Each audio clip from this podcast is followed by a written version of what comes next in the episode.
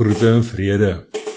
Welkom weer eens hier by die kuierplek op die vlak vir nog 'n Kalahari storie. My naam Haie Kronje. Ons lees vanmiddag weer in die Nuwe Lewende Vertaling en meer spesifiek Johannes 5. Dis nou die 6de versie. Jesus het hom daar sien lê en was bewus daarvan dat hy 'n geruime tyd al siek was. Hy vra hom toe: "Wil jy graag gesond word?" Vanmiddag se storie se naam vertel hom. Met die groot dae aan die kom en die ergste hittegheid van ons wêreld in hoogsomer beweeg ons se mense maar gewoonlik in skilpadspoed. Daarmee weet die woordgoedlopers dat net so kort voor die dankbaarheidsmaand dis nou Desember maand daar gewoonlik afsluiting gehou word. Behoorlike afsluiting met krenende kostafels yskoue koeldrank, stroopsoetpudding, klompkoek en tert, asook sertifikate vir bywoning en natuurlik geskenke. Dis al waaroor hulle praat, die afsluiting, die eet, die drink en natuurlik die hoogtepunt van die dag. Die verrassingspakkies wat toegedraai is in kleurvolle geskenkpapier. Die oes en die aas uit die 12tal vrouens se monde lê diep in hulle binneste binne toe hulle hierdie Saterdagmiddag die sentrum inloop. Die mooiste mooi het daar behoorlik afgesloof om te sorg dat helder liggies, bontlap, goud en wit gespreide bottels onomwonde 'n storie vertel van feesvieringe. Oorvol bontborde kos en glase vol koeldrank waar ysdruppels teen die randkant reisies hardloop. En natuurlik, die geskenke. Moet asseblief tog nie vergeet van die geskenke nie. Nou so maak ons daardie jaar se saak toe. Ons eet en drink en lag en gesels en onthou selfs die mooi reën en ook die swaar droogte. En dan breek die groot oomblik aan, geskenke tyd.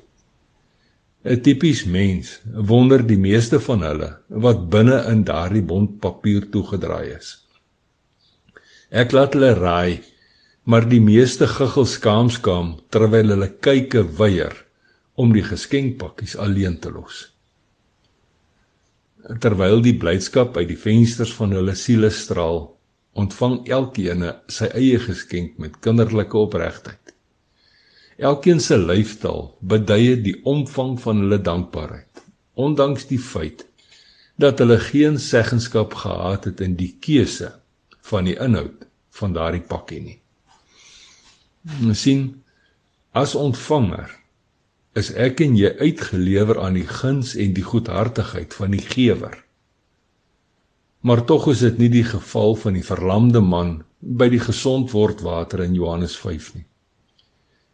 Jesus as die kerelkind van God vra indirek vir hom wat hom bly sal maak. Wat hom waarlik bly sal maak. Dit is nou ondanks die feit dat hy wat Jesus is weet. Ja, hy weet. Hy weet van die 38 jaar. Hy weet van die gesukkel en die teleurstelling. Hy weet van die hoop, die drome, die ideale en die verwagtinge. Hy weet dit alles en nogtans vra hy. Die kerkkind van God vra uit na dit wat die verlamde man se hart bly sal maak.